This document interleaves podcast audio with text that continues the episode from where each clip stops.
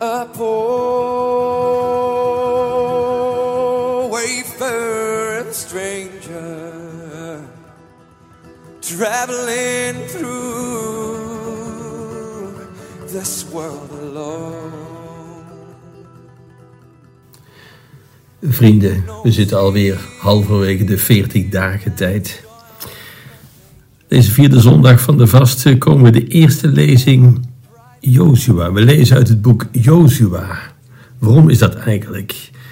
Wat is er aan de hand? Er is een mijlpaal in de Joodse geschiedenis. De tijd van het rondtrekken in de woestijn is voorbij. De tijd van de intocht in het beloofde land. Ook de tijd van het manna is voorbij. Ze kunnen nu leven van wat de vruchtbare grond oplevert in hun eigen land. Wat is het belang eigenlijk van deze historische gebeurtenissen? Drie dingen gebeuren tegelijkertijd. En dat die dingen samenvallen, daar gaat het hier eigenlijk om. En eerste dit. Wat lezen we in de eerste zin al? God heeft de smaad van Egypte afgewenteld. Wat is die smaad? Hè? De, de slavernij, het Joodse volk werd als slaven behandeld in Egypte. Eindelijk zijn ze vrij. Ze zijn bevrijd uit Egypte, ze komen in het beloofde land.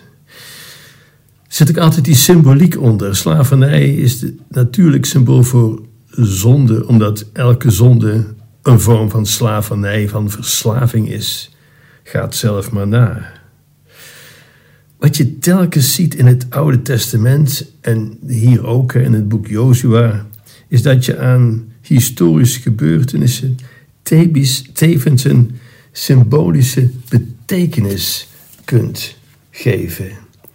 Dat doet niks af aan de letterlijke historische gegevens en de historische waar gebeurde gebeurtenissen, want die hebben wel degelijk plaatsgevonden.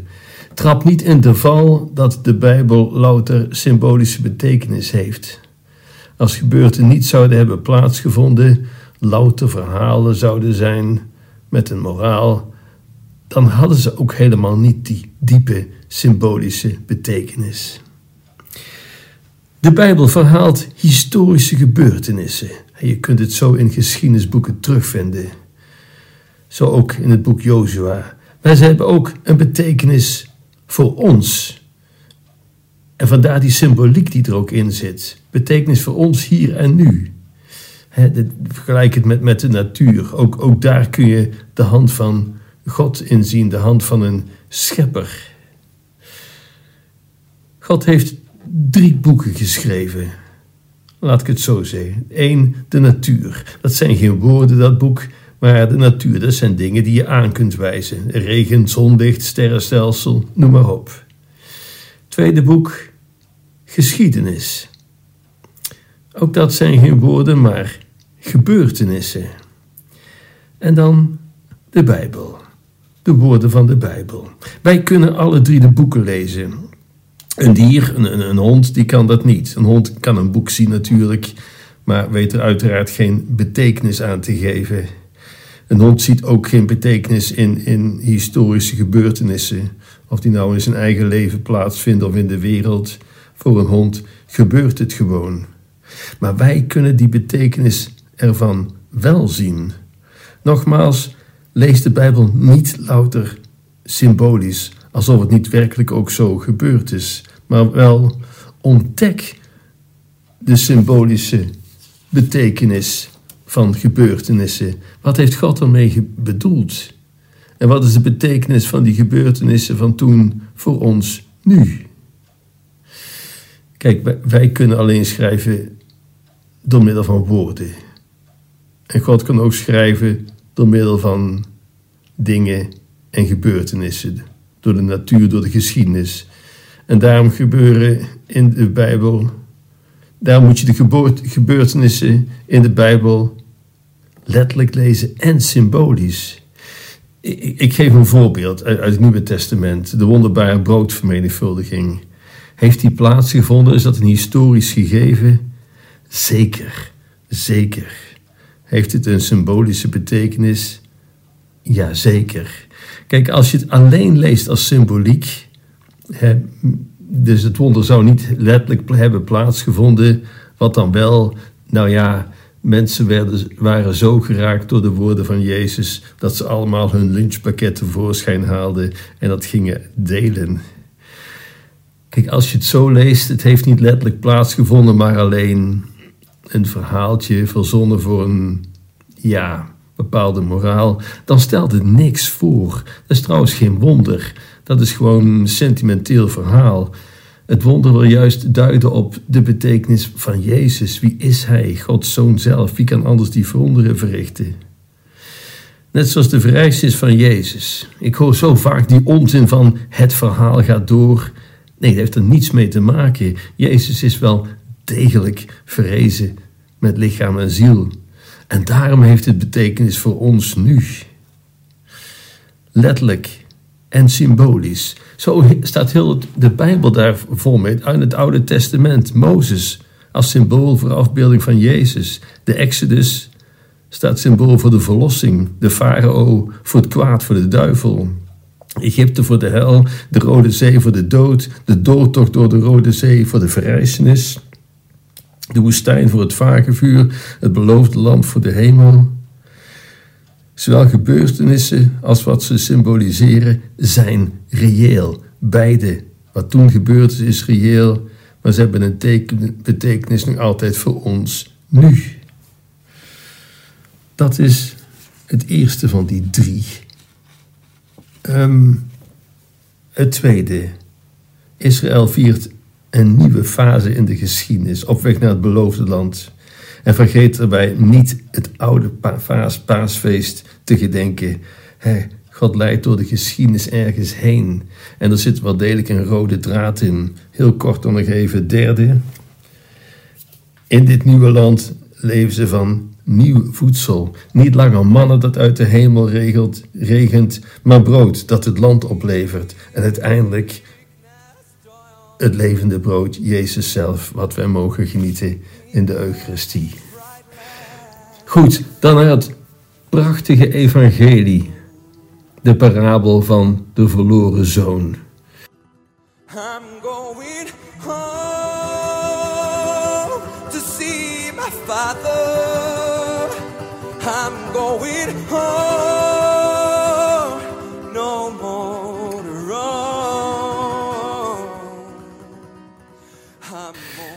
U kent het verhaal.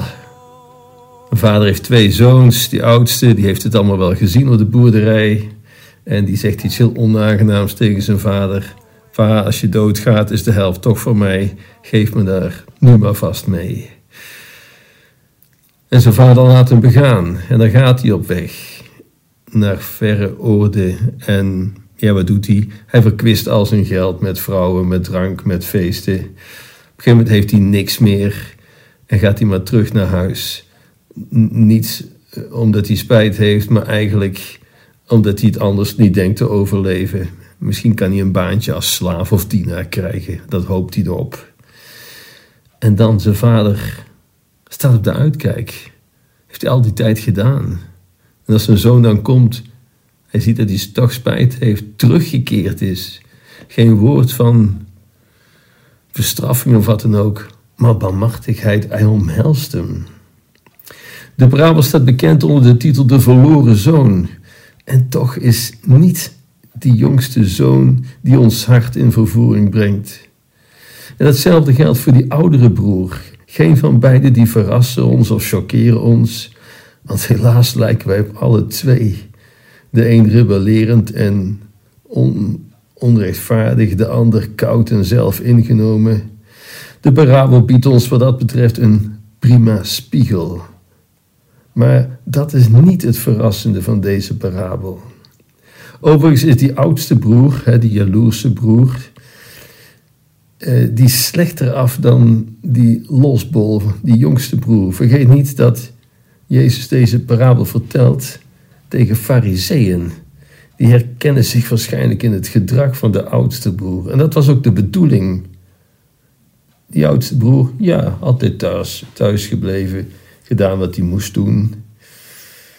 De fariseeën ook, de regeltjes volgen, maar hun hart is van steen. En dat zie je ook in deze oudste broer. Hij heeft geen enkele compassie voor zijn jongste broer die terug is.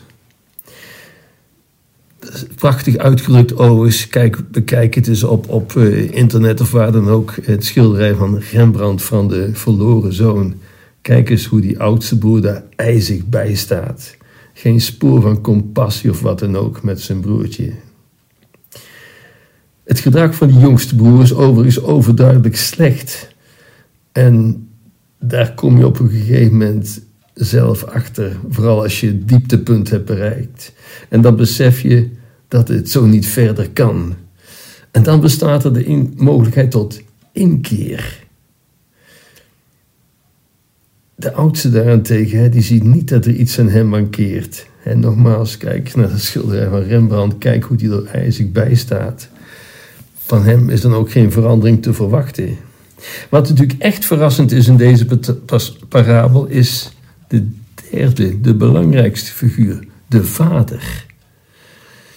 De bedoeling van Jezus met deze parabel is vooral dat te laten zien hoe God is, hoe God naar ons mensen kijkt. We wisten natuurlijk al dat God almachtig is en rechtvaardig en goed en liefde.